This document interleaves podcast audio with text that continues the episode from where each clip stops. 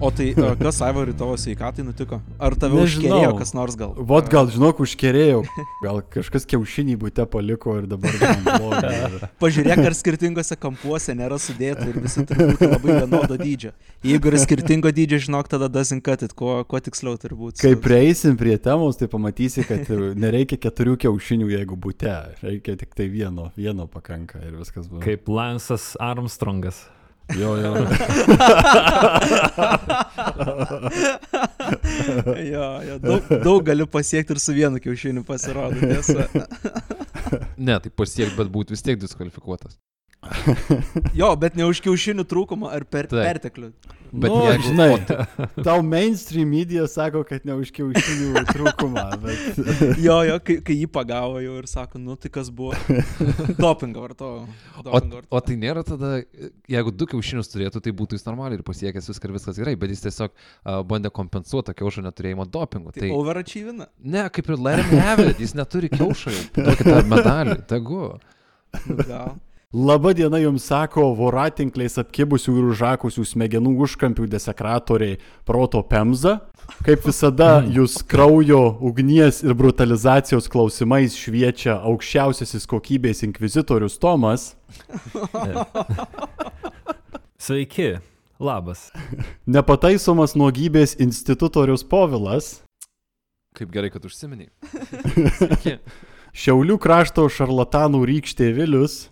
Labas. Ir aš jūsų apostazijais analfabetas Aivaras. Tai Povilui ištaisiu savo klaidas. Šiandien bandysime nerti turbūt į tokią tamsią ir purviną temą. Tai temai susidomėjimą jautėme mes ne tik mes patys, tačiau ir girdėjome užuomenų bei sugestijų iš mūsų klausytojų. Taigi šiandien mus domina tamsioji galbūt Europos istorijos dalis kažkuri. Kalbėsime, žinome, apie raganas, jų gaudymą ir teisimą LDK, ar jeigu norime taip arčiau prie savęs priartinti Lietuvos teritorijoje, labiau koncentruojantis į 16-18 amžių. Prieš lendant į temą, be jokios abejonės nukeliame savo kepures prieš savo epizodo pagrindinių šaltinių autorius. Nors darbų apie raganas bei jų persekiojimus Lietuvoje nėra itin daug, galima išskirti kelis svarbesnius šaltinius, kuriuos rekomenduojame ir klausytojams besidomintiems kerėtojų istorijos tematiką mūsųse. Visų pirma, tai yra tokio gal kam girdėto suvalkiečio Jono Jablonskio sūnaus Konstantino Jablonskio ir iš Šiaulių kilusio istoriko Rimanto Jaso teisinių dokumentų rinktinė Raganų teismai Lietuvoje kurioje dokumentuota nemaža dalis epizode minimų ir kitur istorikų naudojamų atvejų išverstų tiesiai iš LDK laikų teismų metu parengtų dokumentų. Nemažiau svarbi ir kito sovietinio istoriko Juozo Jurginio knygelė Raganų gaudymo šimtmetis Lietuvoje kuria šalia visko dar bandoma ir taikyti klasių kovos teoriją raganų reiškiniui. Skamba kaip išleis, išleista knygelė paminėjimui, ši- jau šimtmetį mes darėme. nežinau, kur tu vienu šimtmetis, tai o, o, kažkas, to, raganų šimtmetis. Kermošiui daug parduosime Ta- egzempliorių. Senas tradicinis amatas šalia. Jo, jo, tais, tais laikais, kaip sakant, patosiškų pa, tokių apibūdinimų dalykams turbūt, e, kaip sakant, ne, netrūko vietos ir netrūko žodžių. A, tai šiuo atveju irgi. Kodėl neišleidus knygelės apie tai, apie mūsų ilgametės moterų už beveik nieką deginimo tradiciją? Tradicijas. Gal jūs buvo kaltos, dar tu neduok iš karto. Povilai, tu iš karto sakai, kad už nieką, o tu paklausyk, gal, Būtent, gal buvo už ką, tu iš būtent, karto su nusistatymu, tik Taip, su atviru protu. Aš, aš stoviu iš vien, kad ir kaip keistai tai skamba su klausytojais, kurie yra skeptikai. Ir aš noriu būti... Skeptikai, kokio sudegino žmonės. Aš netikiu. Ar pažįstat, ką nors, kas degina? Aš tai Jo, kiek tavo gyvūnų sudegino, pavyzdžiui. Tai va, wake up šiaip nebuvo gaisrų. Ne, aš tiesiog noriu, kad pake... aš noriu daugiau sužinoti, aš noriu, kad pakeistų mano nuomonę. Pažiūrėsim, gal ir pavyks, Aš Povilai. noriu patikėti raganą. Iš naujesnių šaltinių verta paminėti be jokios abejonės vieną svarbiausių 21 amžiaus straipsnių šią temą. Turime omenyje Gintaro Beresnevičiaus ir Tomo Čaplinsko straipsnį Raganą iš rinktinės Lietuvos didžiosios kunigaikštijos kultūra - tyrinėjimai ir vaizdai. Galiausiai paminėtini ir mokslininkės Giedrės Sabaitytės straipsniai Raganų tapimas užribio žmonėmis Lietuvos didžiojoje kunigaikštystėje bei raganų medžioklės atgarsiai 16-17 amžiaus pirmosios pusės Kaune. Pastaruosius papildo ir kiti viešai prieinami šaltiniai mūsų nuostabiuosiuose internetuose. Taigi, visi esame matę filmus, kur nesiprausia prakaituoti vyrai, atrodo net jau per ekraną smirdantys prakaitų ir fekalijomis, eina ieškoti kokios nors kerėtojos, nekromancerės ar raganos. Tačiau kas yra toji ragana? Goblinas toks. Tas žalesis. Viljamas Defo yra ragana. Viską išsiaiškinau. Viskas. Ačiū, kad klausėtės. O kaip Lenkijoje Tomai yra? Šalta pasidarė. O, Lenkijoje yra įdomiai už tai, kad yra skirtis, yra du žodžiai skirtingi, raganai apibūdinti. Vienas žodis - viedžma, nuo žodžio viedza, žinio, nuo, nuo žinių, e, žmogus, kuris žino daug, o kitas žodis - čarovnica, nuo e, kaip burtininkė, žmogus, kuris užseima burtais. Tai aš ragana, pirmas vaizdinys yra Disnėjaus filmų arba vokiškų e, pasakų, kažkokia sena moteris, kuri nori tave nunuodyti. Žmogus, kuris užseima žolininkystę, kuris daug žino, kuris moka išgydyti, pakerėt, bet ir pakenkt. Tai yra tokia socialinė funkcija, kad tu nenori užrūstinti to žmogaus, gal panašu į kunigą dabar. Tai tiek apie Onovą ir Pitskaitę. Na, Tomai, pagal to apibūdinimą N. Bigmore yra ragas. Nu ir vardas toks Anne Wigmore labai tiktų į tą Salemo visą atmosferą tenai. A, bet kokiu atveju, nu, čia man labai neblogi tokie variantai, sakyčiau, ir aišku, visada į tos klausimus galima atsakyti tiesiog vienu žodžiu, tas žodis yra taip. Tačiau, a, kaip Tomas irgi gerai linksta, tai, na, galima žiūrėti visai į tai, kas yra ragana. Etimologiškai šiam žodžiui irgi randama visokiausių reikšmių. Visų pirma, kai kas tai sieja su žodžiu regėtoje, ypač a, jei kalbėsime apie ankstyvasias baltų kultūras. Kai kur tai siejama ir su tokiais reiškiniais kaip šmėkla, vizija ar dvasia. Galiausiai yra ir tokių gudruolių, kaip kad anksti traktoristų pradėjęs dirbti filologas Jurijus Atkupščikovas, kuris žodžio ragana kilmę sieja su raguota būtybė. Nu nes kaipgi kitaip, jei nevelnės su ragais lypi už visko. Bet galiausiai ragana populiariai suprantama yra kaip burtų priemonėmis aplinkiniams bei aplinkai kenkianti moteris. Tokia samprata dalyjasi skirtingi laikmečiai ir kultūros. Kaip pastebi Gintaras Beresnevičius, Egipte, Mesopotamijoje ir Afrikos kultūrose kalbama apie ir tikima stebuklingų galių turinčiomis moterimis, neretai mėgstančiomis pakramsnoti ir džiovintos lavonų mėsos. O buvo pasakyta, kokio gyvūno džiovyta mėsa? Kokia? Jo, nes...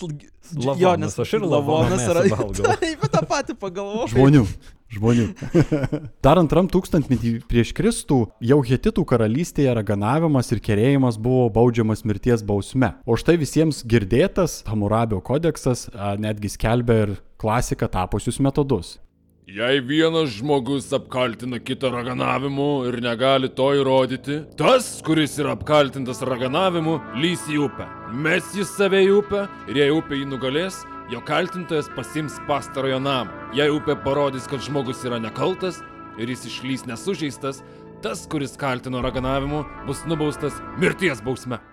Ir viskas paprasta. Labai paprasta. Viskas aišku, jo. Kaip sakant, jeigu liaudiškai kalbant, nors kepsniai tokiai rizikai kaltintojo pusėje yra ir aukštai sustatyti, galime matyti, kad visuomenės jau nuo seno nelabai mėgo prastai plaukiojančių žmonių. Bet čia fair Ir deal. man negerai labai.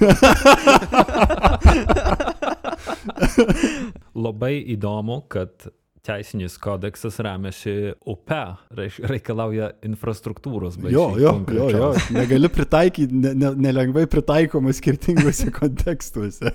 Pastarasias nuostatas vėliau perima ir Biblijos autoriai, kviečiantys burtininką gyvą nepalikti. Būtent šitokios sentencijos vėliau atvėrė kelią 15 amžiuje Europoje prasidėjusiems ir neretai religinių karų ir galios rungtynių sąlygotiems raganų medžioklės užėjimams. Čia irgi yra toks mitas, kad raganų medžioklės buvo kažkoks tai vientisas procesas, iš tiesų nieko panašaus. Raganų medžioklės galima labiau vadinti užėjimais, kurie kas 20-30 metų vis užeidavo tokiom bangom, praeidavo ir vėl vėl sugrįždavo iki pat 18 amžiaus vidurio, kuomet apšvieta pradeda kiek taisyti dalykus turbūt. Nors raganos ir nebuvo labai populiarios bei jau buvo spirginamos ant kuolo ir anksčiau, ypač krikščioniškuosiuose ratuose, moderni raganų medžioklė Europoje, kaip mes ją suprantame šiandien, dažnai yra siejama su popiežiaus Inocento VIII 1484 m.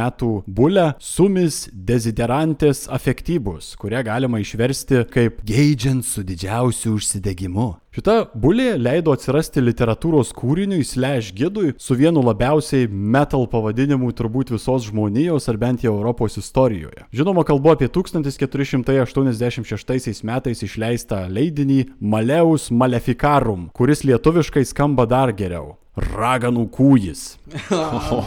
Okay. Pastarasis kūrinys, sumastytas katalikų inkvizitoriaus Heinricho institutoriaus Kramerio, remdamasis popiežiaus bulę išvardyja šešis kerėjimo kaip kenkimo apraiškos būdus. Pirma, žmonių širdyse, nepaisant jų valios, įžiepti meilę. Antra, sukelti nevaisingumą. Trečia, žmonės paversti gyvūnais. Ketvirta, sukelti prieš laikinius gimdymus. Penkta, atiduoti vaikus demonams. Ir šešta, mano mėgstamiausias, pakengti vyro gebėjimui patenkinti moterį. Puikus atmazas 15 amžiui. Čia raganos darba. Man labai patiko toj vieta, kur, kur sakei, sukelt nenorimą meilę. Kur, kur lyg meilė čia, čia kažkas blogo. Dabar lyg bažnyčia sako, mylėk visus vienodai ir gerai, o ten buvo pasakyta, ne, ne, šitų tai. Šitų negalima, šitie tai ne tau, o jei šitą jauti, kažkas su tavim negerai, klausyk, čia, čia matyt piktų žmonių darbas. Apskritai minėtasis kūrinys yra labai, na taip kabutėse, draugiškas moterims, nes jame rašoma. Tarp bjaurų moterų viešpatauja trys svarbiausios įdos - netikėjimas, savimylė ir potraukis kūniškiems malonumams. Siekdamas išplatinti savoją ereziją, raganos imasi daugelio priemonių. Jos paniekinančiai atmeta katalikų tikėjimą, parsiduoda kūnų ir sielą velniui, atiduoda jam dar nekrikštytus kūdikius ir palaiko kūniškus santykius su inkubais ir sukubais. Kažkokia pavydo gaidelė čia. Faktas. Visada svarbus aspektas yra tas, kad kai kalbam apie raganas, labai mėgstama įkišti lytinių santykių momentą. Kažkodėl labai tas yra svarbu visoje kultūroje ir visame bažnyčios mokyme apie raganas ir jų visas piktadarystės. Tarp kitko, tas lytinis aktas buvo ir pateisinimu, paaiškinimu, dėl ko raganavimu užseima tik tai moteris, nes uh, reikėjo santykiauti lytiškai su velniu, kuris, kaip visi žinom, yra vyriškos lyties, dėl to raganavimu negalėjo užsimti vyrai. Tokia logika buvo vadovautasi. Taip, nes vyras niekada nepriima penio. Nėra tai buvę inexistent. Tai ar raganiaus atsiradimas reikštų, kad velnas yra homoseksualus? Biseksualus? Povilai išneki lyg nesilankytai socialinėse medijose. Aišku, kad, aišku, kad čia yra velnio darbas. Kaip galite suprasti, šis niekam garbės nedarantis, tačiau intelekto viršūnė laikytas rašinėjimas nulėmė, e, jog kaltinimų raganavimu susilaukė daugiausiai moterys. Įvairių šaltiniai teigia, jog vien 17 amžiaus Europoje 80 procentų visų apkaltintų raganavimų buvo moterys, kas nuvedė kai kurias feministės, istorikės ir prie tezės, jog raganų medžioklę galime laikyti ir savotiškomis masinėmis moterų žudynėmis, a, jų lab, kai turime omenyje ir tą faktą, kad jų teismams daugiausiai vadovavo dvasininkai vyrai. Čia kaip e, sakei e, prieš tai, kad pasikartoja kas 30 metų raganų medžioklės, ne? Ir čia kaip moterų toks pogromas gaunas. Tai tiesiog Jo. pogromas, moterų pogromas. Raganocidas. Ra- Raganokaustas.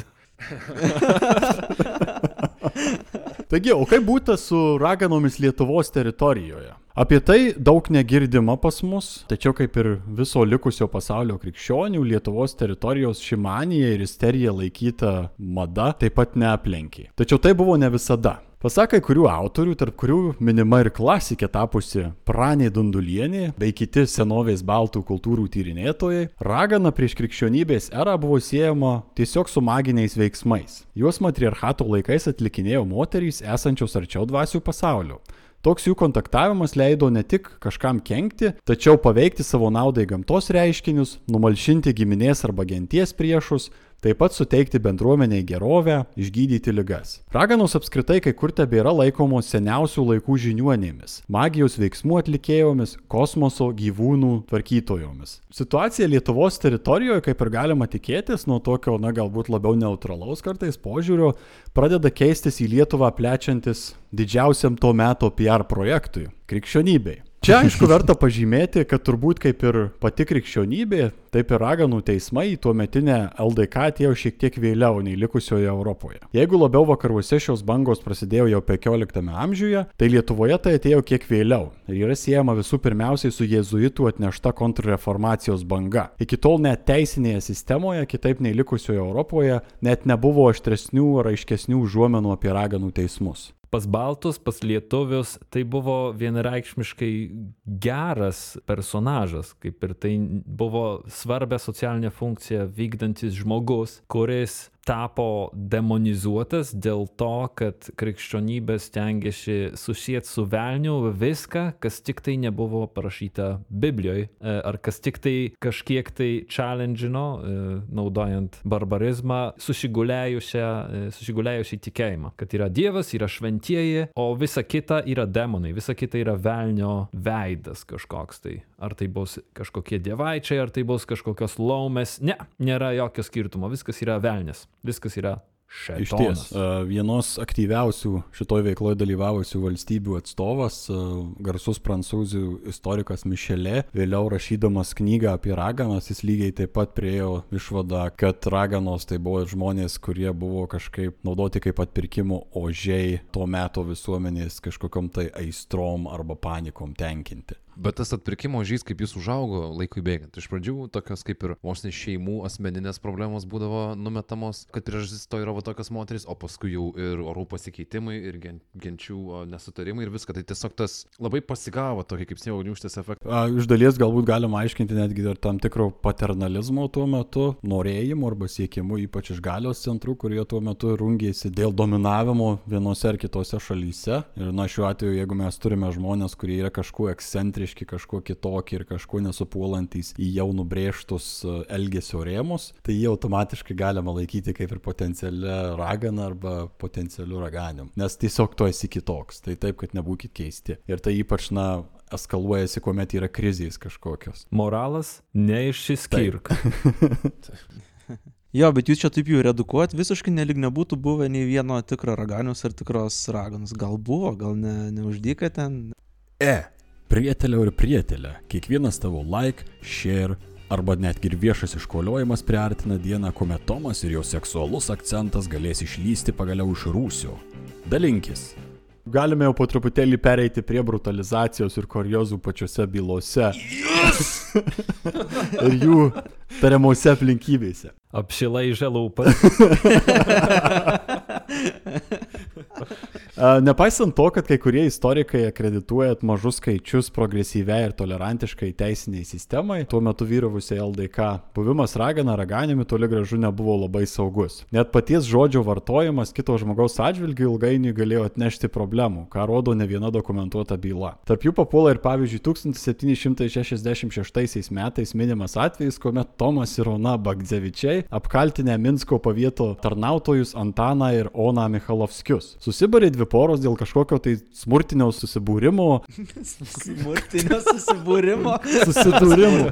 Ai, susidūrimo. Susibarė dvi poros dėl kažkokio smurtinio pobūdžio susidūrimo. Galų gale, nu, man tai iš vis tokia versija, kad ten galbūt kokios nors ankstyvos svingerių dramos jau vyko, arba, arba tiesiog užgėrė kažkas ne taip, bei, na, tuo susidūrimo metu panaudotų grasinimų. Minėtoje byloje kaip paskiras kaltinimas ir argumentas buvo įvardinta tai, kad Bagdzevičiai buvo išvadinti raganiais ir vagimis. Panašiu metu dokumentuose minimas ir a, nusikaltėlis vardu Šapša Šimutovičius, kuris buvo vadinamas ne tik vagimi, tačiau ir burtininku. Nors man labai būtų įdomu sužinoti apie vyro vardu Šapšą gyvenimą 18 amžiaus Lietuvos teritorijoje, galime manyti, jog raganavimas ar burtininkystė, na, buvo sulyginami su vagystėmis, kas yra rimtas įžeidimas. Uh, pakartok vardą. Šapša Šimutovičius. Gerai, aš galiu dabar pat pasakyti, kad jis tikrai nebuvo raganius, nes būtų išsibūręs normalų vardą. tokias žmogus, kuris tau, žinai, gali sutvarkyti visko, jei reikia, sugalvoti. Better call šapšas. Alcheminę laboratoriją sugalvoti, jisai, jisai tau sukombinuos medžiagų. Tark kitko, ne šapšas, o šapša. Skirkime. Šapša? Šapša. Tai gal šapša? O gal šapša, aš nežinau.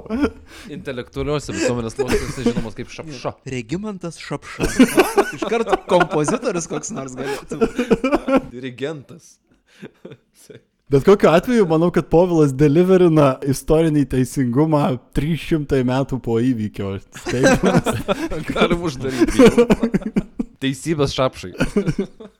Kalbant apie tikrus raganų teismus, pirmasis užrašytas atvejis nutikęs Lietuvoje sutinkamas jau 1523 metais e, parašyto ir išleistojo Mikalojaus Husofijano poemoje Giesmė apie stumbrą. Joje autorius kalba ir apie Lietuvos išbandymo metodus, kuriuos taikant Kerėtojai surištomis rankomis ir kojomis vandens rovėje verpetingoj grūmės, panert geisdami galvas į šaltas bangas, kaip minė stovėdama krante, siaubingai šaukė ir baimė be galo kraupi tasik apėmė mane. Jei kerėtojas skęsta, vadinasi jis nekaltas, jei neskęsta, visuomet būna apkaltintas jis.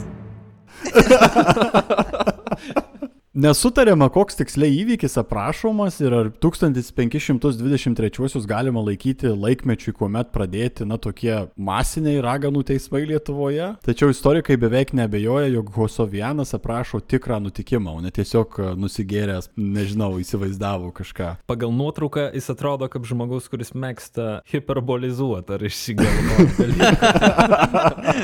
Mėgsta hiperbolizuoti tikrai. Kuris sako, kad pažįsta žmonės, bet jų iš tikrųjų nepažįsta. Per barzdą varvėjo burnai neturėjo.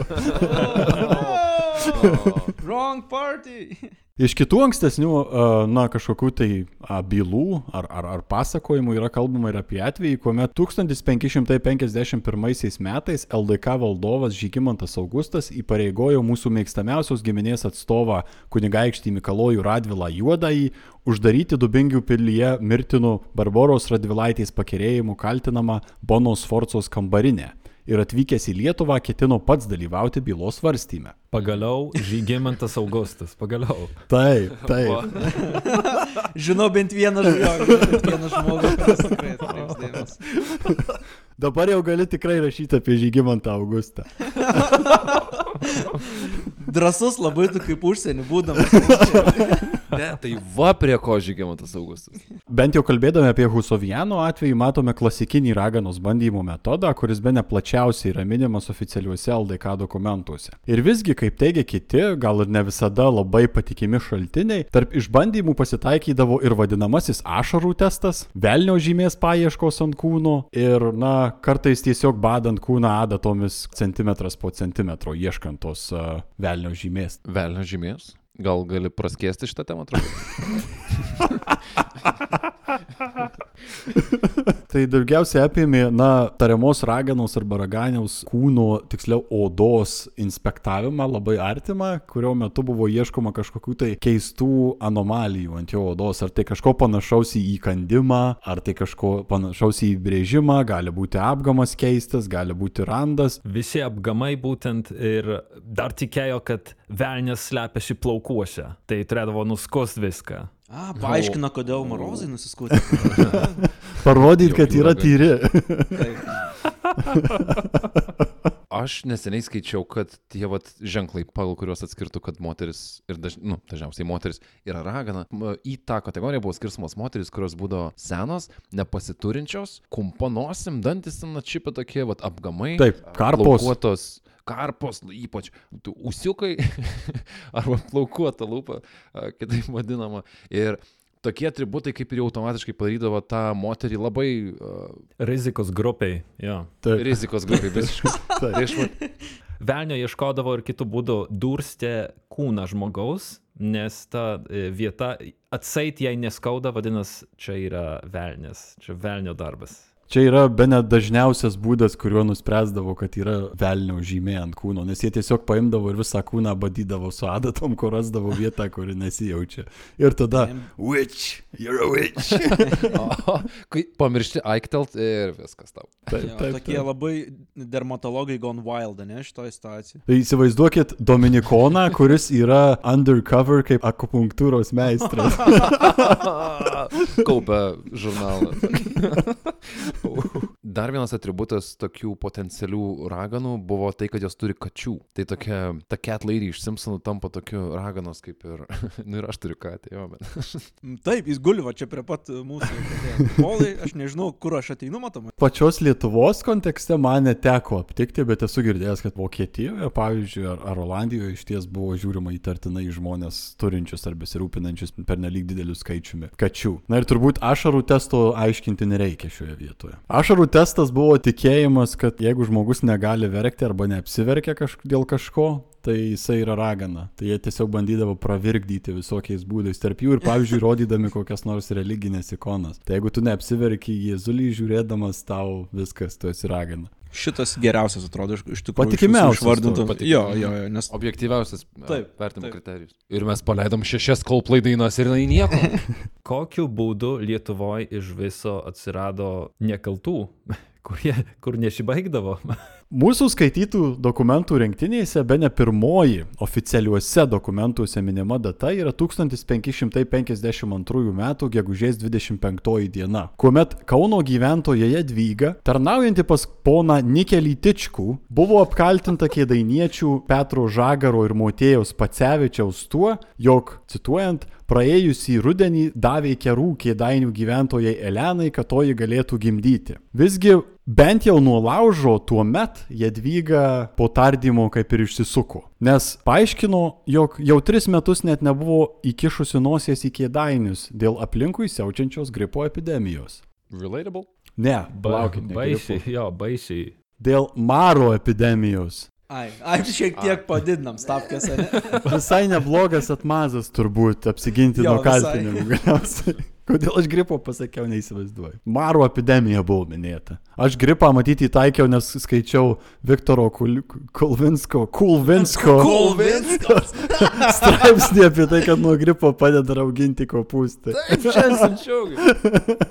Noriu pastebėti, labai drąsi moteris, kuri pavadina savo vaiką pagal retą metalą. Jo vardas buvo Nikelis? Taip, nikelis. Nikelis Gal tičkus. Nikelis. O gal nikelis, taip. Šiaip intonaciją reikia pataisyti. Nikelis. Aš tai nikelį naudoju man.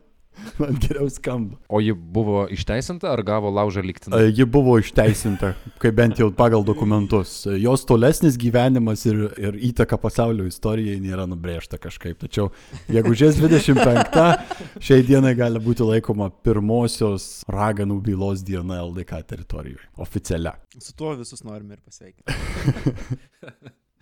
Save the date. Ir na, šalia visų testavimų, tardymai raganų teismuose buvo antra svarbi dalis. Tai nebuvo tik pasikalbėjimas tamsioj kamurkiai, tenais įtariama jį kažkaip tai viliojant, kad nu, bus nupirkta kolos ir kibiriukas KFC. A, tai buvo daug rimtesnis reikalas turbūt. Tardymai vaidindavo didelį vaidmenį visame procese, žiauriausiais kankinimais išgaunant a, prisipažinimus apie tariamas raganystės. Kaip vėliau, jau 18 amžiuje teigė žemaičių vyskupas Antanas Tiškevičius.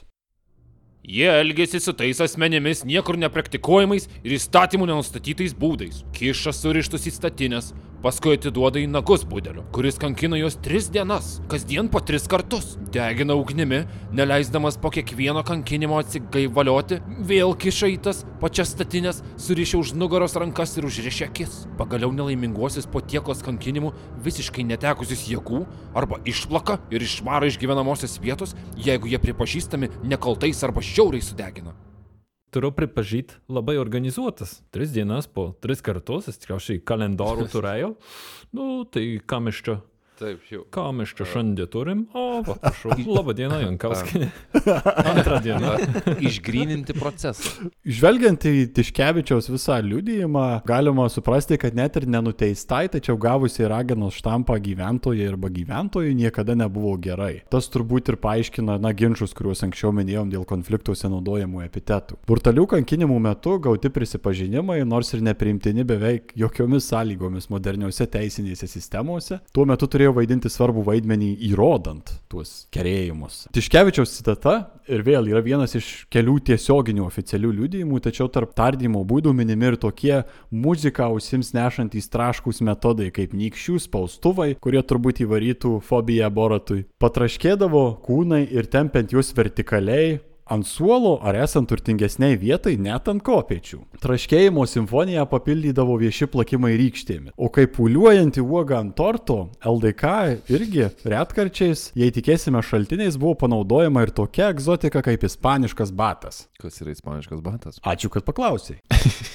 Pastarasis buvo mechanizmas pagamintas iš keturių siauros medinės lentos gabalų, prikaltų vienas prie kito. Lentos buvo matuojamos taip, kad atitiktų aukos koją. Ir tos aukos koja būdavo kišama tarp tų lentų. Kai koja būdavo pritvirtinama, tarp lentų būdavo įkalami pleištai, taip sukuriant spaudimą. Spaudimas buvo didinamas tol, kol auka prisipažindavo arba prarasdavo sąmonę, taip ir nepasakysiu apie savo purviną sąjungą su velniu. Tai tau spausdavo pėdą? Tau spausdavo visą blauzdą kartu su pėda. Tiesiog Tokie kaip, kaip kojukai iš šonų kojų, taip? tokios e, dėžutės apsuktos. Nu, gali įsivaizduoti keturias lentas sukaltas ir tas uždeda ir tada pradeda spausti. Čia draugas klausė, Paulai. E, e, Kitam meistravimo projektui. O ten senukose išeitų susirasti visų medžiagų, kad... Ne, ne, šiaip, šiaip ne. įdomu, ir kiek čia sudėtinga buvo. Atsistoji senukose, kas nors su visom priemonėm, ko reikia ispaniškiam batam. Ir klausinėjai pro šitos kasininkės, o jum nekeista? Tikrai nieko net pažįstat? Nuolaidas nebedarytų jau tikriausiai, nes vis tiek. A, Čia, žinoma, buvo labai primityvūs metodai, nes vėliau atsirado tokie dalykai kaip e, spaustuvai, tie tokie, kur užsukt gali, vais vadinamieji, tai juos buvo irgi naudojama. Čia kaip varstotas. Taip, taip. Darbų pamokas. Bet modernėja ir šita technika, negaliu sakyti, kad neieškojo naujų būdų. O aš turiu klausimą, ar viena moteris būtų patyrusi visą šitą tiradą viena, ar čia tokie skirtingi šiandien jaučiamės taip ir protokolas sako, kad darom šitą šitai? Pagal tai, kad nebuvo kodifikuoti šitie dalykai, aš manau, kad tai labai priklausė nuo paskirų vietų ir paskirų aplinkybių. Mes paminėjome Purviną sąjungą kaip vieną iš tų tardymo objektų neveltui. Tariamų burtininkų ir raganų velnės prisipažinimuose buvo minimas ne kartą. Jis dažniausiai pristatytas kaip dailus džentelmenas, dažnai dykinėtojas ir dargi vokietis. Kaip tai susiderina, manęs neklauskit. Vokiečiai akivaizdžiai turėjo kažkokį kitokį įvaizdį tuo metu. Ei, bet čia visiškai kaip iš Meister ir Margaritas Taip, yra Volandas. a- apibūdinimas velnio. Jo, jo, jo, jo. jo. Velniai atsirasdavo ir prisipažinimuose, kaip minėjau, kur buvo įvardyjami kaip aktyvūs viso raganystės proceso dalyviai. Antai 1680 m. kovo 15 d. vidukliais pavieto Raulų dvare po dviejų kankinimų buvo nuteista ir sudeginta dvaro šeimynos moteriškė Zuzana Šleikinienė. Zuzana buvo apkaltinta dvaro pono Kristupo Blinstrubo ir jo žmonos bei vaikų sveikatos sugadinimu. Kaip teigiama dokumente, ponia Šliekinienė labai greitai pateikė savo prisipažinimą ir netgi teigė raganaujanti jau 25 metus. Kartu ji pateikė 15 vardų sąrašą tariamai raganų kompanijai. Pastarieji asmenys, pasak jos, skraidydavo į netoliese esantį eržvilką pasivertę šarkomis. Tam reikalui, kai reikės kristi, iš pelkės išeinas visų raganų ir raganių ponas Velnes Povilas su dviem savo tarnais Jokūbu ir Petru. Puiku. Prieš skridimą, I know. prieš skridimą Velnes apiprausęs raganas ir raganius vandeniu. Kalbant apie Zuzanos kerėjimo metodus prieš Blinstrubą ir jo šeimą, dokumente rašoma. Savo pauną Kristupą Blinstrubą kerėjusi su Dovydinė Stasiukaitinė, kur ji buvo sudeginta. Kerėjo dviems metams, kad skudėtų kaulus ir jausų blogumą. Tam Velnes Paulas, kuriam kaltinamoji tarnaujanti, pasmaugęs tvartę paršą ir iščiulpęs kraują. Ta paršą kaltinamoji kartu su Mykolo Budrecku, Budreckienė, Lukavičienė ir Lipčienė 1679 metais per kūčias, pakišusios po ledu, o paršo krūju pašlaksčiusios visą kiemą, kad ponas su ponė ir jų vaikai po dviejų metų mirtų. Ji pakerėjusi ir pono Blinstrubo dukterį Teofilę, kad ši dviejus metus džiūtų, o paskui mirtų. Dėl to pylusi purvai vandenį ir tris kartus ėmusi iš tos vietos vandens ir laiščiusi žemę. Mažametę pono Blindsturbo dukterį mirtinai užkerėjusi, palaisčius jie vandeniu iš upelio, kuriame susitikinėdavusi su velniu, kaltinamoji su bendrininkėmis padėjusios keturiose pono Mikolaus Stanevičiaus sodo vietose po kiaušinį, kad šiam nepasisektų. Taigi, kaip matome, Povilas ne tik tai nuogybėm užsiminėja. Taip, mano tas tradicinis modus operandi buvo keistas, jis pripažinsiu. Išaugau. Skamba kaip kažkokia misija iš e, Witcherio. Ale čia tokia. Jo, Ta prasme, pakišti po ledu, ta prasme, tu turi labai norėti. specifiška. Jo, žiemą labai turi, turi norėti tą padaryti, turi eiti ant ežero šaltą, išsimušti skylę, pilt fucking kraują, kurį laikai, nu neaišku kada. Ir sunku poršą, nes tu pagalvojau, čia šiaip yra daug darbo. Jie patys gali ateiti polai. O jis dar Jo. nebuvo nudoptas? Įsivaizduojat savo, kai jinai ateina pas savo draugės, pas tą Budreckienę, Lukavičienę. Ale, klausykit, kokį gerą turiu receptuką. tik reiks, tik reiks iškapot ledį. Aik tu su savo leduve. Paprastesnė.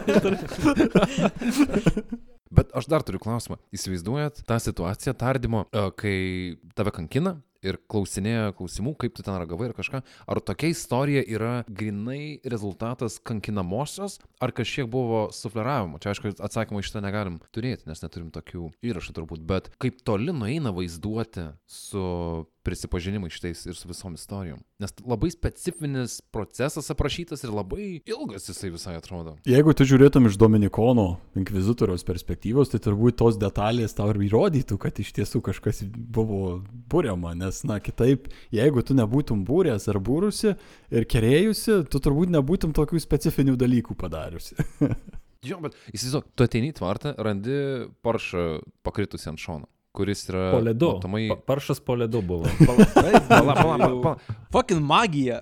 Nu jo niekas nerado, kol dar nebuvo po ledu. Wow. Įsivaizduojat savo, jūs einat ant ežero žiemą ir po ledu paršas. Taip. Ar tai manoji undinėlė? Jūrų keulytė.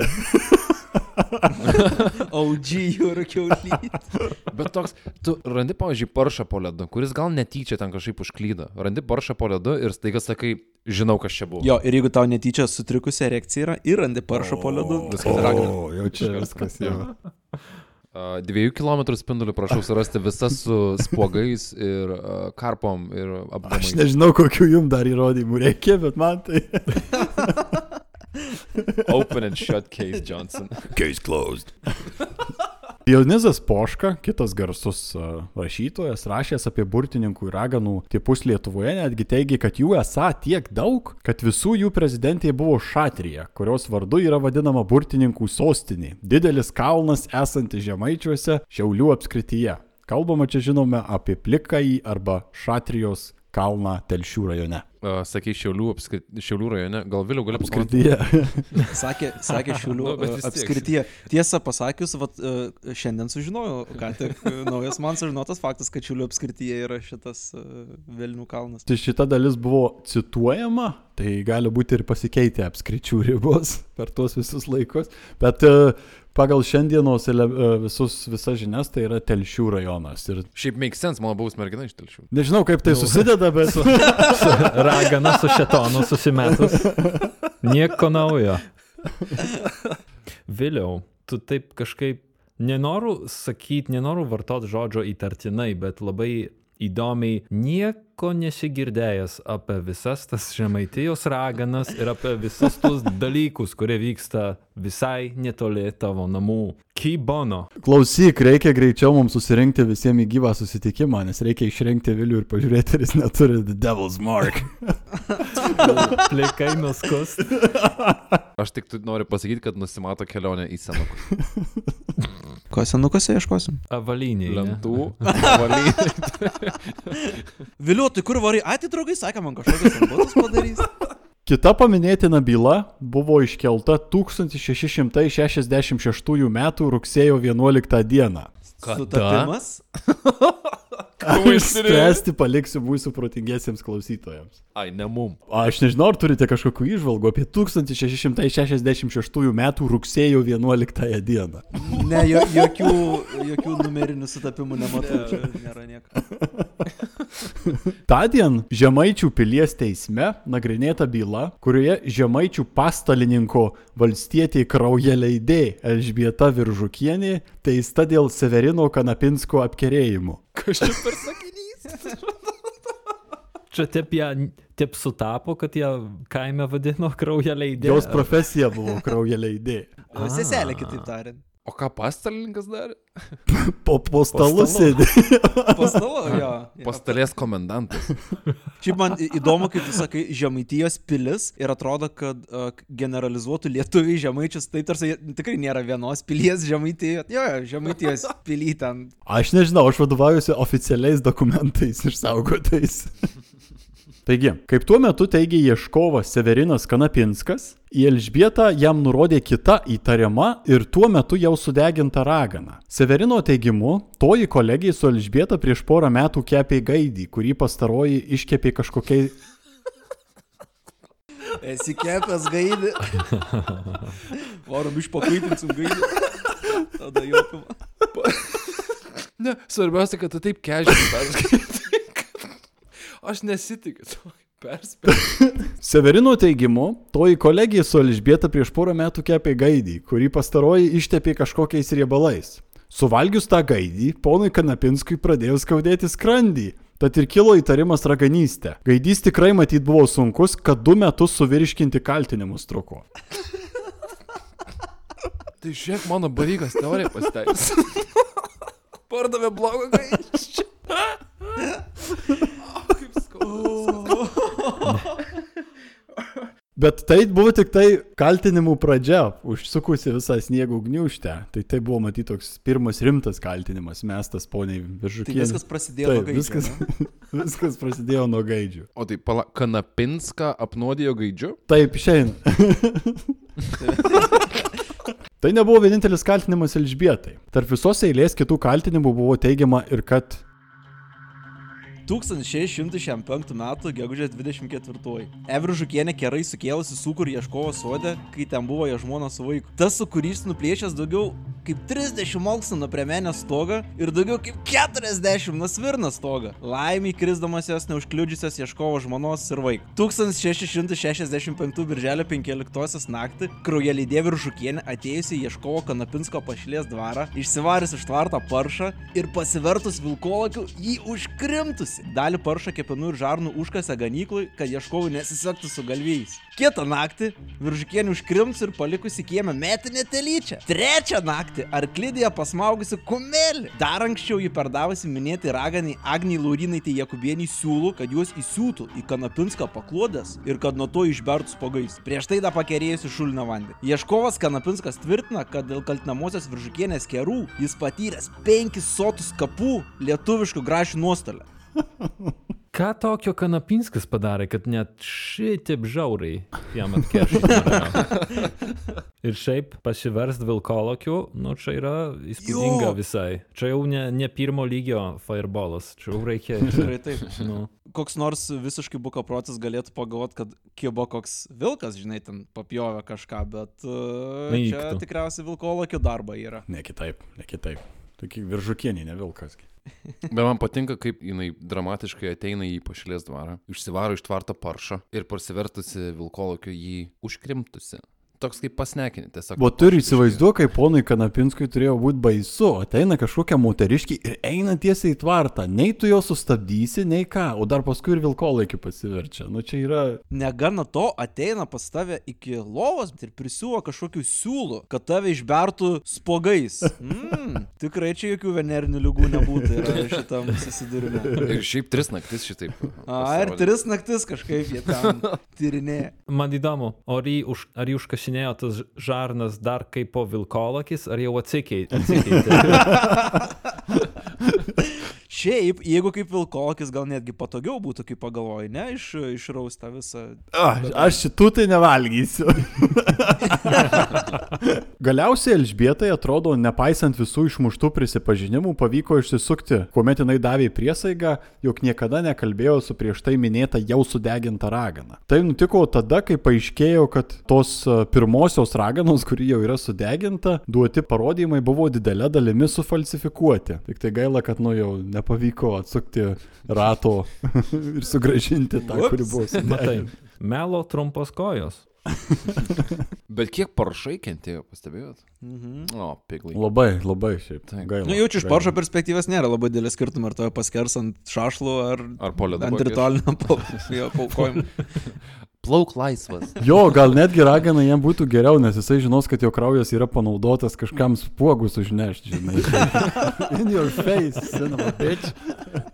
Taigi, šitoje vietoje atidesnis klausytojas pajus, jog bylose nemažai kalbama apie visokius kerėjimo įrankius, objektus, žoleles ir kitus daiktus, kuriais tariamai pakenkiama gyventojams ir jų sveikatai. Daugiausiai žinoma, nukentėdavo įvairiausi žolininkai būtent dėl to, kurių siūlomi gydymai nepavykdavo arba tiesiog atrodė įtartini. Šalia to buvę yra ir širpesnių objektų, kuriuos tariamai raganos rinkdavo kerėjimui. Tikėta, kad tokie dalykai kaip pakaruoklio pirštas arba rasa ant žolės po pakartų žmogumi gali turėti gydomųjų galių. Tai nerasa. Bet kokia laki vaizduotė turi būti šitiem procesams susigalvoti. Čia Žinok, ar tikrai pakaruoklis pakankamai dažnas reiškinys? rasa po pakaruoklį. Čia tokie labai... a, Šauliuosi gal vėliau. Žemaitijoje, žemaitijoje. Žemaitijoje. Ten kitoj pusė miestą.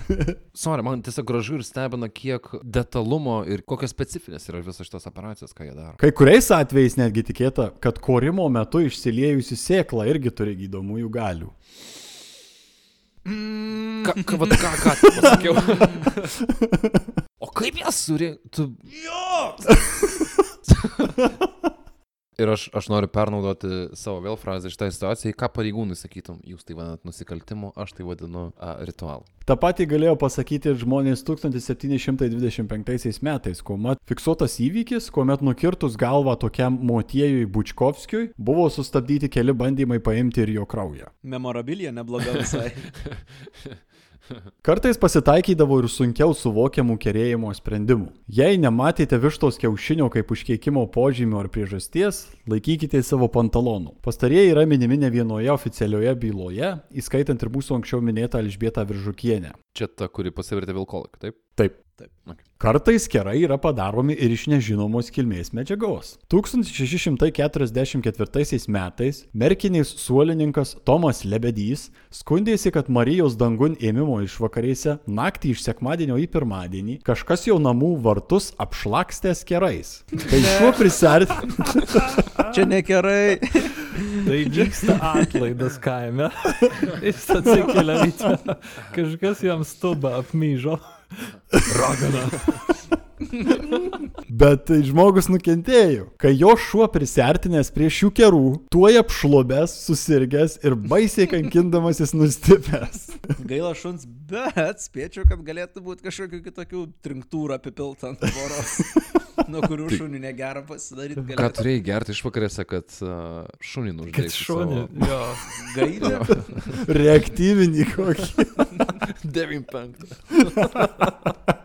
Man irgi šitas klausimas buvo kilęs povilai, tačiau dokumentuose neradau daugiau detalių. Nes panašu, kad tu ir pasibaigė, aš spėjau, kaimas taip pat pasijuokė ir pasibaigė. Nusivalyk tvorą. Visas protas čia vieta. Prisgeri mūsų vietą. Pats yra priešai tą tvorą. Raganų naudojamos priemonės nekarta uh, naudotos kaip, na, argumentas deginimui. Vienas žinomesnių to laikmečio sudeginimų susijęs su 1566 metais ir tuomet Kauno pavietą sukrėtusią bylą, kurioje Tomasgoje buvo sudeginta tariama ragana Ulijona Jurgienė. Byloje teikta, jog Ulijonos ponia Barbara Daucevičienė besipykstanti su savo broliu Baltramiejumi, liepė Ulijonai paimti brolio seilių žemių iš po jo pėdų ir atiduoti tuos daiktus Margaritai iš Vilkijos, kuri kažką padarysianti broliui ir jo žmonai. Tardytojams toks aiškinimas nepatiko. Tad po papildomo spaudimo pavyko išgauti teisingą, kabutėse, prisipažinimą, kad Ulijona ir jos kolegė Margarita yra nuodininkiais. Jos tariamai nuodijo vaikus ir ketino iškasti palaidotą vaiką, išdžiovinti jo kūną, sutrinti, sumaišyti tuos miltelius su žolelėmis ir taip nuodyti žmonės. Toks prisipažinimas tardytojams jau tiko, nes kerėjimas buvo aprašytas demonologijos veikaluose. Taip Ulijona tapo pirmąją išties patikima ir patvirtinta sudeginimo byla iš 16 amžiaus Lietuvos teritorijos. Bet kokia specifinė procedūra. Ir kaip tyčia tas buvo demonologijos vadovėlėje irgi. Ironiška, tačiau tai ne paskutinė byla susijusi su jau minėta Daucevičių giminė. Po 14 metų, 1580 metais, Motiejus Juknevičius, žemininko Jokūbo Daucevičiaus Beinarto valstietis, buvo atvestas pas Kauno Vaitą. Jis buvo kaltinamas Kauno mėsininko Laurino Mirkovičiaus kerėjimu. Daiktinis įrodymas - maišelis žolių rastas pas įtariamąjį. Kauno gyventojas Petras Šikis teigė, kad Motiejaus Juknevičius Šikės, šikės. Kauno gyventojas Petras Šikis teigė, kad Motiejus Juknevičius pakišęs jam tas žoleles. Žolininkas atmetė kaltinimus ir teigė, kad žolėmis gydas vaikus, kurie nemiega naktimis ir verkia. Pasmilkius žolėmis, jie nustoja verkti. Po tardymo kaltinamasis paliktas kalėjime iki kito bylos svarstymo. Ir neaišku, koks jo likimas galiausiai buvo. Tai ar galima sakyti, kad kaltinamai tiesiog užpuolė šikis? Šitai mus Palauk, o tai... Tu įsivaizduoji, tavo kažkoks tai prosenelis kažkada turėjo negalavimą su skrandžiu ir pats pavardė visai giminiai. Šitai mus pakreipė prie kito raganų teismų aspekto. Nors kaltintų vyrų buvo mažuma ir moterys buvo nu pagrindiniu į- įtūžio objektu, vyrų raganių iš ties buvo. Raganiai baltų kultūroje nebuvo irgi naujiena. Tiesa, jie taip pat nevaizduoti specialiai neigiamai. Jie gali pavyzdžiui paversti žmogų vilkolakiu. Jų kerų bijotasi ypač per vestuves, į kurias jie kviečiami ir kuriuose jiems mokama už tai, kad jie neutralizuotų kitų piktų raganų burtus. Bliam, čia tas visiškai jokių kitų skilų neturintis žmogus, tik mokantis save parduoti. Ta prasme, vienintelis jo, vienintelis jo skilas yra, kuris ir pasitarnauja. Jo, jo, aš ateisiu pasimis ten kerus, pablokuosiu kitų žmonių. Ir svarbiausia, tu pats gali susigalvoti procedūras, kurias tu darysi. Galbūt dėl to apkaltintiems raganavimo vyrams raganų teismų laikmečių išsiteisinti buvo daug sunkiau, o jų teismai pasižymėjo dideliu žiaurumu, nuvedusiu tuos kaltinamuosius į neįtin geras vietas. 1730 m. Drujos miestiečių sugautas ir į Magdeburgijos teismą pristatytas Martinas Beinaravičius neiškentęs ilgų kankinimų pasikorė miesto kalėjime. Pavyzdžiui, apie tai, kad kerėjo ir vyrai, liudija ir mūsų LDK surferis Mikalojus Husovianas. Jeigu kas tuo abejos, tas galės net ir pats įsitikint, kad taip yra Lietuvoje ir kad aš tiesą sakau. Bet tų būrimų, kuriais raganaujančios moterys verčias, vyrai aptinga ir tie įmas gana neretai. Taigi apie bausmių žiaurumą vyrams liudija ir kelios kitos išlikę bylos. 1756 metais keli vyrai buvo įkalinti Vilniaus pilyje už tariamą šeitono garbinimą ir dievo atmetimą. Vienas iš kaltinamųjų, Mykolas Tupalskis, aukštuomenės atstovas, pripažino, jog jis ir dar keli vyrai nusprendė imtis labai įdomaus akto - pašaudyti į Ostiją. Bet ar čia kažkokia metafora? Pašaudyti į ostiją?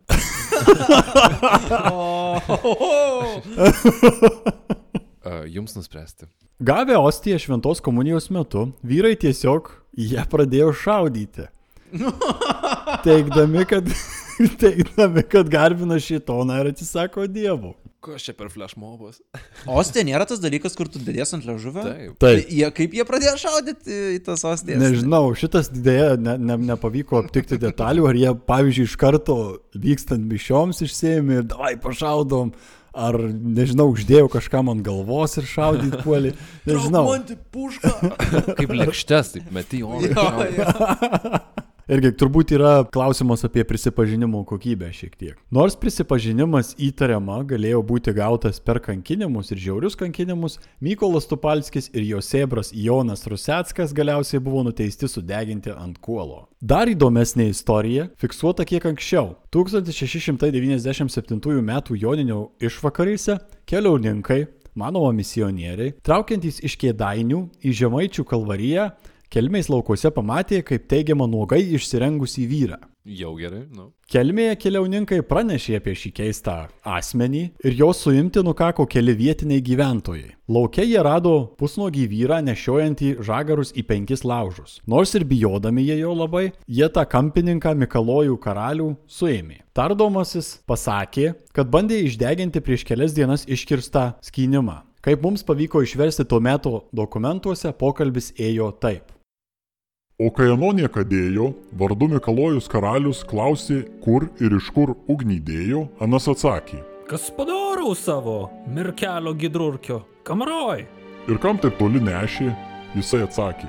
bet įno kūrau ant dirvano, kad jį iškračiau per keturias dienas prie Šventojono. O kai klausė, kodėl nuogas, jisai atsakė. Nugarą šildžiau, Klausė ir kieno tai žemė, kurią jis deginas. Atsakė. nežinau, jei kas dar nors atsilieptų, tai ir aš atsiliepsiu. Tai spėkit iš trijų kartų ir toks pasiteisinimas tiko. Palauk, tai Mm, ne. Kažkokie du randominiai keliautojai pamatė išrengušį vyrą, kad jis laužos krauna ir su jiem sugalvojo. Nu taip, nes keistas. O kurie čia metai? 1697? Taip. Nice. To jūs 24 valandas biški motyvas. Nu, nelabai daug kas pasikeitė per 3,5 metų. Farai su... Ra, rast, jo, rastum faro epizodą su panašiu. Jo, jo, jaučiu daugiau negu analogija. Tai. Taigi, kaip ir turbūt jau supratot, nutarta galiausiai suimti Mikalojų, o po to tie, kas suėmė, teigė, kad jų rankos pradėjo dvokti, nes lietėsi prie Mikalojaus. O bendrai apėmės kažkoks tai nepaaiškinamas nerimo jausmas po to, kai jie jį suėmė. Įdomu, kodėl? Įsivaizduojat savo, karšta vasaros diena, jūs dirbat laukia, kraunat laužos, už tai, kuriuos iškapojot, praeina kažkokie du maldaknykių entuziastai, pradeda tave glebeščiuoti, mormonai. pri, prirakyti prie žemės ir dar tokį... Žinai, Jo, ir po to bičino, kai patys jautėsi blogai dėl šito. Ar jie jautėsi blogai, va irgi kitas klausimas. Nes jie nerimą jautė. Daugiau, bet jie nusprendė tą nerimą išsklaidyti, išbandydami Mikalojų vandeniu. Tas gerėja ir gerėja šitą istoriją. Nu. Tai vadinamas vandens ir muilo išbandymas. Iššūkis kiekvienam tikram vyrui. Tai kai Mikalojų išbandė vandeniu, sakoma, kad jis plaukė kaip antis. O, ar jis buvo iki pusės išlindęs vertikalioj pozicijoje? Ra rankos virš galvos. Ir aš tokį įsivaizduoju plaukuotą krūtinę. O tai testas buvo, kad jis tiesiog turėjo paplaukt? Ar Nu dar taip. turėjo kažkokį priemonių? O gal jam liepia plaukai pantis, jeigu nori išgyventi? Ir jis... Kvek, kvek, kvek. Aš būsiu išteisintas kaip neraganius, jeigu aš nusiskandinsiu. Ne visai, nes neleisdavo paskys tam žmogui. Jis būdavo kaip ir pririštas, užvirvęs, bet reikalas tas, kad moterys tais laikais nešiodavo labai daug kelis sluoksnius ir jie labai dažnai pagaudavo oro ir tiesiog dėl to plūduriuodavo tos moterys ir neskęsdavo. tai Nu, bet šiuo atveju Mikalojus plaukė kaip antis. To pasiekoje, dėl to, kad jis taip plaukė, jis buvo tris kart kankintas ir vis tiek neprisipažino esas reganius. Tad jį nusprendė antrą kartą išbandyti vandeniu. Išbandė vėl į vandeniu ir jis vėl kuo puikiausiai plaukė. Tik neminima ar kaip antis jau. O kaip jam pačiam šitas visas įvykis? Nes tu tiesiog laukuose pusnagis kažką ten degini, krauni anglis ir visa kita. Jo, ateini, bet dabar šitie tiesiog sako, žinai, kas dabar bus? Ir tu turi tokius ratus pereiti. instinktyvu, čia ir stipriau negu jis. Jis tiesiog negalėjo susilaikyti neplaukti. Tas faktas, kad net du kartus išbandytas vandeniu Mikalojus kuo puikiausiai plaukė, buvo paskutinis lašas įrodęs kelmiškiams, kad Mikalojus yra užkietėjęs raganius. Tad buvo pakurtas didelis laužas, kuriame vargšas kampininkas ir pabaigė savo dienas. Uf, uf. Tai kitaip tariant, jo vakaras prasidėjo, a, o, pakursiu penkis laužus ir baigės, kad jį pats sukūreno, ne? Taip. Irony. Bad luck Mikalojus. Lygioj vietoj. Nu taip, čia turbūt labai toks iliustratyvus atvejis, kaip žmonės būdavo apkaltinami raganystė ir nuteisiami.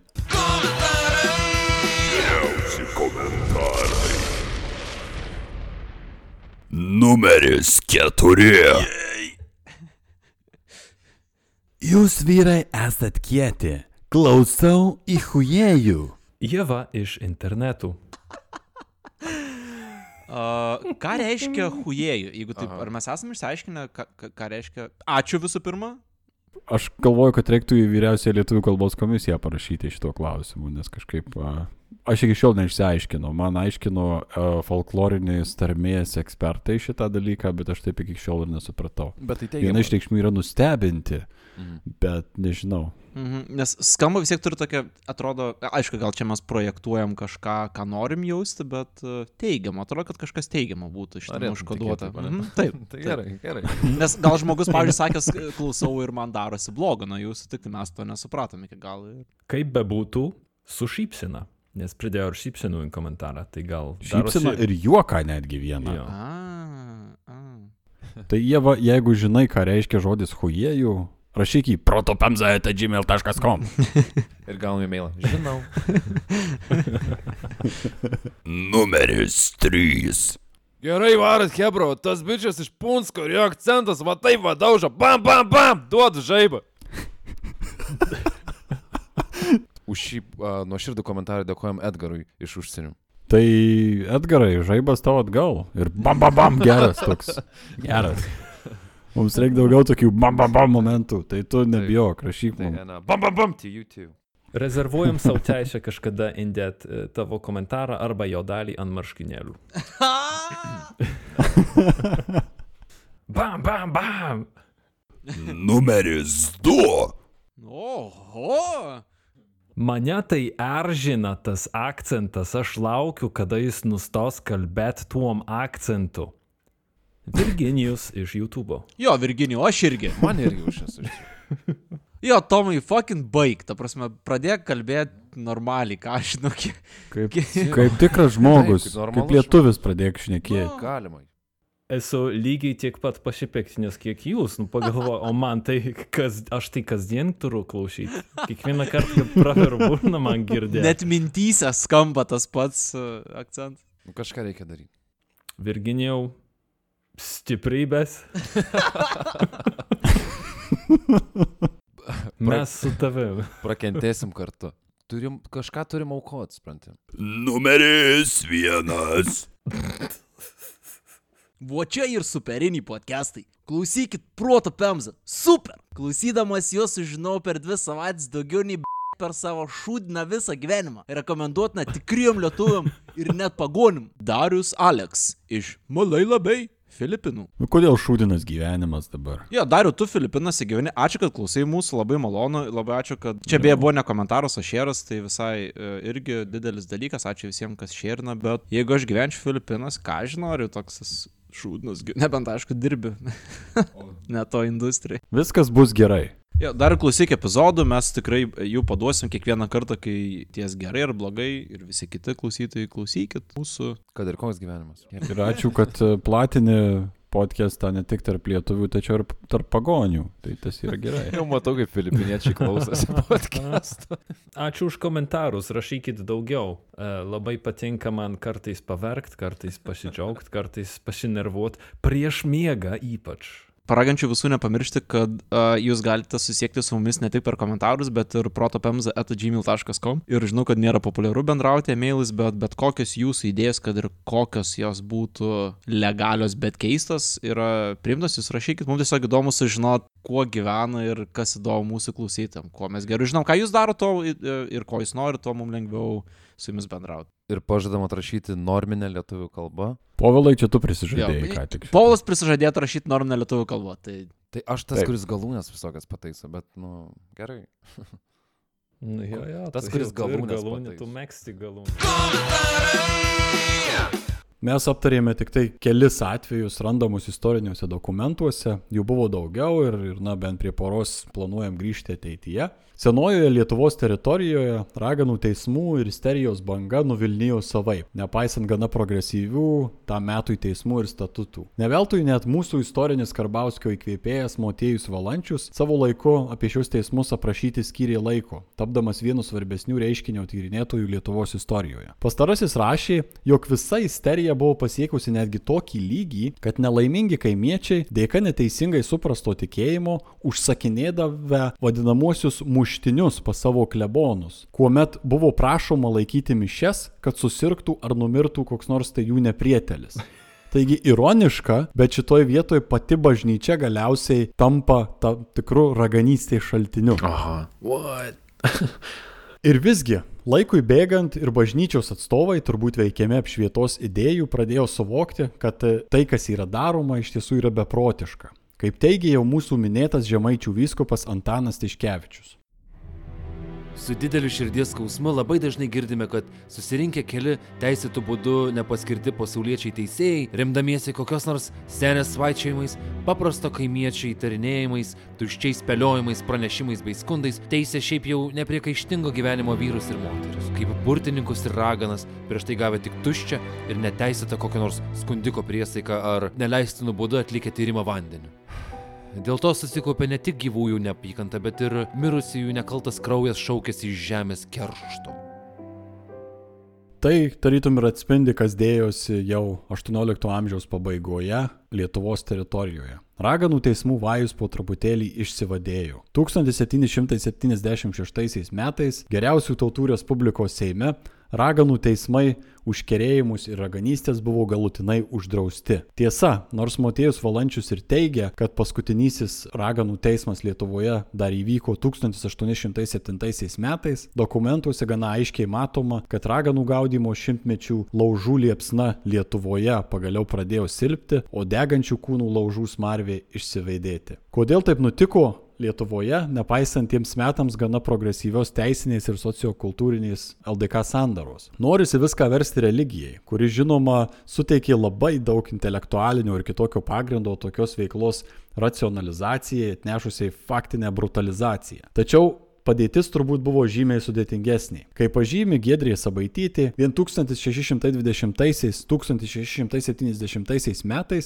kai užfiksuota daugiausiai raganavimo bylų, per LDK praslinko net dvi epidemijų bei dvi nederliaus metų bangos. O ką jau kalbėti apie įvairius karus, marus ir badus kitais panašiais laikais. Tai galėjo paskatinti labai paradoksalią situaciją, kurioje į žolininkus, kurių dauguma buvo moterys, tuo metu dėta daug vilčių. Kuomet jie nepadėdavo, nusivylimas jais galėjo paskatinti įtūžio ir kaltinimų bangas. Neveltui daugiausiai kaltinimų ir bylų iškelta tarp kaimynų. Galiausiai, tokiu metu baimės persmelktoje atmosferoje atsiskleidžia ir tamsesni visuomenės bruožai, kalbant apie toleranciją ekscentriškiams žmonėms, netitinkantiems bendruomenėse vyraujančiam standartui. Taip raganė ir raganos virto savotiškais užribio žmonėmis ir atpirkimo ožiais. Vienok tai gali daug pasakyti ne tik apie to meto, bet ir apie šio laikinėse visuomenėse vykstančius procesus kitoniškumo atžvilgiu. Aš tik paklausiu, tai ar galima sakyti, kad raganų medžioklė ir visas šitas įvykis yra laikmečio nepritekliaus,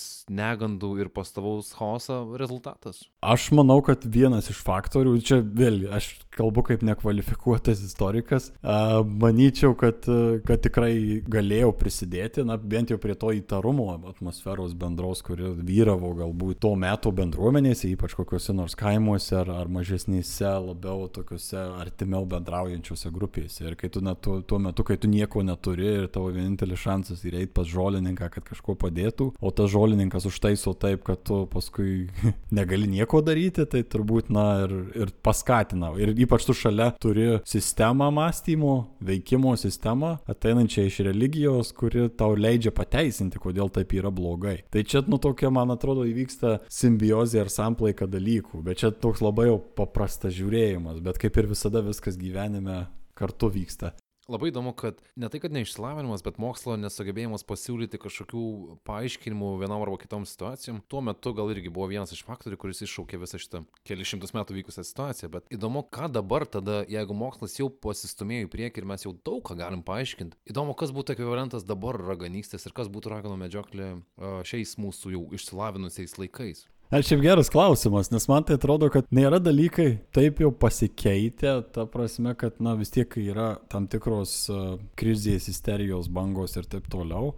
Visada yra ieškoma kažkokio tai vieno atsakymo ar nurodoma į vieną kažkokį dalyką. Na, vad būtent iš pačių konspiracijų teorijų perspektyvos, kai yra kalbama apie tai, kaip kur juda mūsų visuomenė. Tai šiai dienai, na, vat, aš manau, kad kai kurios uh, visuomenės dalys ne, neprieštarautų, kad uh, tokiais gaudimais būtų užsiimta prieš, pavyzdžiui, LGBT žmonės kurie gadina mūsų pagrindus visuomenės ir taip toliau ir panašiai. Aš nemanau, kad mokslo pažanga čia kažką labai keičia iš tikrųjų, na, nes mes Tik, tik gyvenam- formatą. Tik formatą. Jo, jo. Vienas toks aspektas gal tikriausiai, kad ne tik, sakykime, vat, noras kažkoks e, ten užgauti kitą grupę ar konkrečiai moteris ar kažką kito, bet ir tas maginis mąstymas šiek tiek, ne?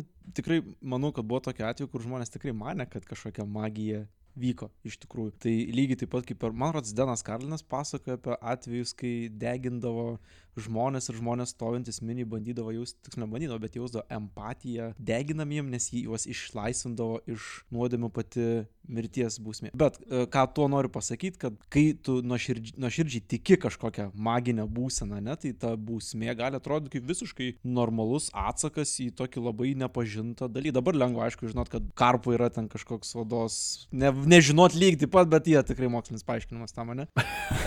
Viskas. Ne, neraganystė. Jo, Nuklausau. neraganystės. Nuklausau. Karpos nėra stebuklingas. Jo, jo, būtent, o tuo metu tai vat, kitaip atrodė, žinai, ir degint kokią tai ten piemenką, ko ne. Aš čia labai manau, kad Vilius e, vėl, žvelgiant iš tokios lengvesnės diskusijos perspektyvos, kad, kad, kad uh, Vilius labai neblogai užgriebė su tuo magišku mąstymu, maginiu mąstymu netgi. Jisai niekur nėra dingęs šiai dienai. Nu, mes turim, turėjom, va, prieš kelis epizodus kalbėjom apie moterį, kuri fucking žolę siūlė valgyti, kad išsigydyt vėžį arba AIDS. Tai irgi yra tam tikras matymas pasaulio, kur tu turi vieną įmanomą kažkokį sprendimo būdą. Dar jeigu tas sprendimo būdas tavęs per daug neskatina ten kažką keisti, galbūt vat, kai kai kuriais kitais atvejais būna ir palikti viską taip, kaip yra, nu tai be miela, kodėl to nepabandžius. Tai aš manau, kad vat, ir, ir, ir šiai dienai, nu, mokslas žengia tolyn, visa kita, bet Na, mes turim antivakserių bangą, kuri turbūt yra aršesnė nei iki šiol, nežinau, per kiek dešimtmečių. Ir iš jų pusės mes inkvizitoriai esam. Taip, mes esame inkvizitoriai iš jų pusės, tai, nu, šitoj vietoj labai įdomiai apsiverčia, aišku, tie dalykai, bet, uh, vat, man atrodo, tas maginio mąstymo toks momentas čia labai taiklus yra. Dėl raganų medžioklės, tai labai yra įdomus ta atpirkimo ožio klausimas, kas kaip ir atrodo gilesnis negu mokslo pažanga, tai yra kažkas tokio labai primityvaus, labai instinktyvaus beveik, kad mes kaip visuomenė gal esam kažkuom tai biologiškai sąlygoti, kad kai tik sušiburam į didesnę grupę, į kaimą, į miestą, atsiranda poreikis rasti kažkokį tą vieną objektą, kuris sutrauks visas problemas, sutrauks visas nuodėmes ir mes galėsim jį nuteisti ir tada viskas bus gerai. O čia nėra iš dalies ir tai, kad na, atsiranda kažkoks poreikis kažkam sumest bendrą kaltę kokią nors, ne? nes dažnai, va, irgi minėt, kad yra raganų tie pogromai, vadinami moterų pogromai vadinami, sutampa šiek tiek su kažkokiais kriziniais prastais momentais, ne? kas labai yra patogus momentas sutelkti visą savo, gal net nepykti, kaltę, nes visi buvo kalti tikriausiai dėl kažko kokiu nors kriziniu periodu ir visą ją sukrauti ant vienos grupės žmonių, tiesiog ar tai būtų raganos, ar būtų žydai, ar būtų, Ar būtų imigrantai? jo, būtų imigrantai, gėjai ar dar kas nors, nežinau. Jo, toks, nu vėl, lengvas redukuojantis visus dalykus taškas.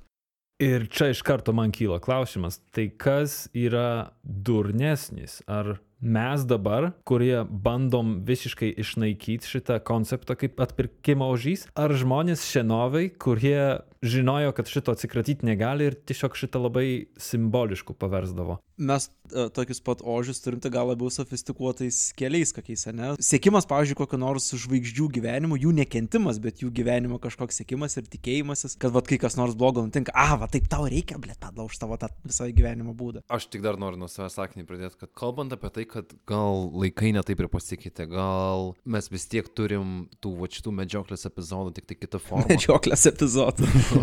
Ne, tai aš prisimenu vieną uh, citatą iš vieno uh, filmuko, kurį labai mėgstu, kad grobis gali keistis, bet medžioklė niekada. Tai gal kitom formom, kad šitą raganų medžioklę aktuali, viskas, ką mes susakėm, mane šokiravo, pavyzdžiui, detalumu ir specifiškumu šitų visų operacijų, ką jie darė. Vien jau aprašymai yra magiškai skambantis. Bet manau, kad šito dalyko ekvivalentą galima atsinešti ir į, ir į šios laikus. Tai reikia būti budriem. Manau, kad taip atskleidžia daug dalykų apie visuomenės, kurie iki šių dienų yra kažkur giliai paslėpti ar, ar net negiliai paslėpti, tačiau karts nuo karto išlendantis. Neturėkime iliuzijų, kad ateina- ateitų krizinis periodas dabar ramiai gyvenančiose visuomenėse, kad irgi nebūtų imtasi, tarkime, netgi ar vienokių ar kitokių pogromų formų, kuriomis būtų kažkaip bandoma sakyti, kad štai mes išnaikinam visų savo problemų priežastį. Ir ar tai yra 1666 rugsėjo 11, ar tai yra 2021 kažkas, kaip ir vi- vidinėse tose dinamikose visuomenėse atrodo, kad nėra, kad labai daug kas yra pasikeitę, yra labiau pasikeitę to suvaldymo turbūt mechanizmai ir to kažkaip bandymas galbūt pakeisti, bet, bet esmė vis tiek yra ten. Labai tikėčiau, kad kadangi esam šiuo metu tam tikrame krizinėme momente, ne kaip ir uh, visą globaliai, tai gal pogromų neslauksim, bet labai neužilgo turėtume sužinoti, kas taps atpirkimo žiais už visą šitą situaciją. Uh, mūsų visus užpuls šikis. Petras Norėč- Šykis. Man šaša, koks vardas to kito buvo? Šaša, šaka? Šapša. Šapša. Šykis būtų puikus personažas. Šapšas šikis skamba kaip koks kroatų šokis uh, nacionalinis. Tai va, ačiū visiems, kas klausėtės. Gero vakaro visiems. Ačiū.